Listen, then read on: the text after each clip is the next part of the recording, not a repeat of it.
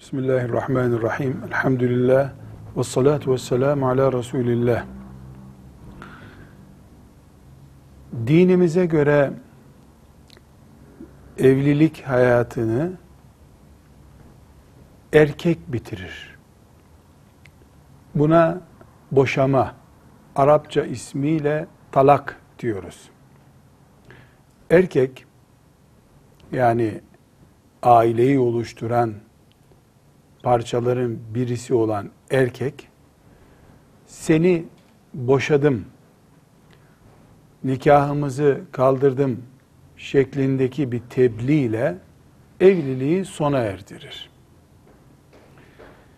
Bu talak, boşama olayı yazı ile gerçekleşir, sözle gerçekleşir, yani boşadım diye yazsa bu bir boşamadır.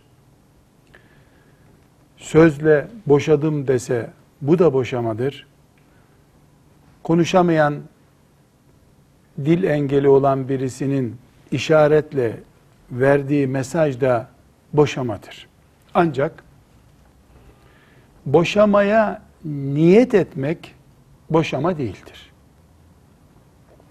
Niyet etmek bir şeyi kararlaştırmak demek.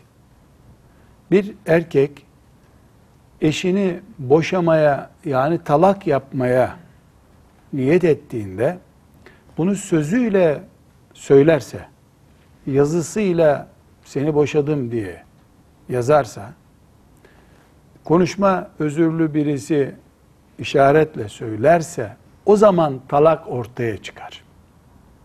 Bir erkek tartışma esnasında yoğun bir sinir atmosferinde bu kadını boşamaktan başka çare yok diye düşündüğü için boşama olmaz.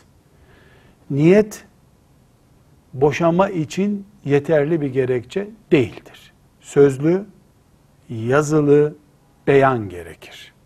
Velhamdülillahi Rabbil Alemin.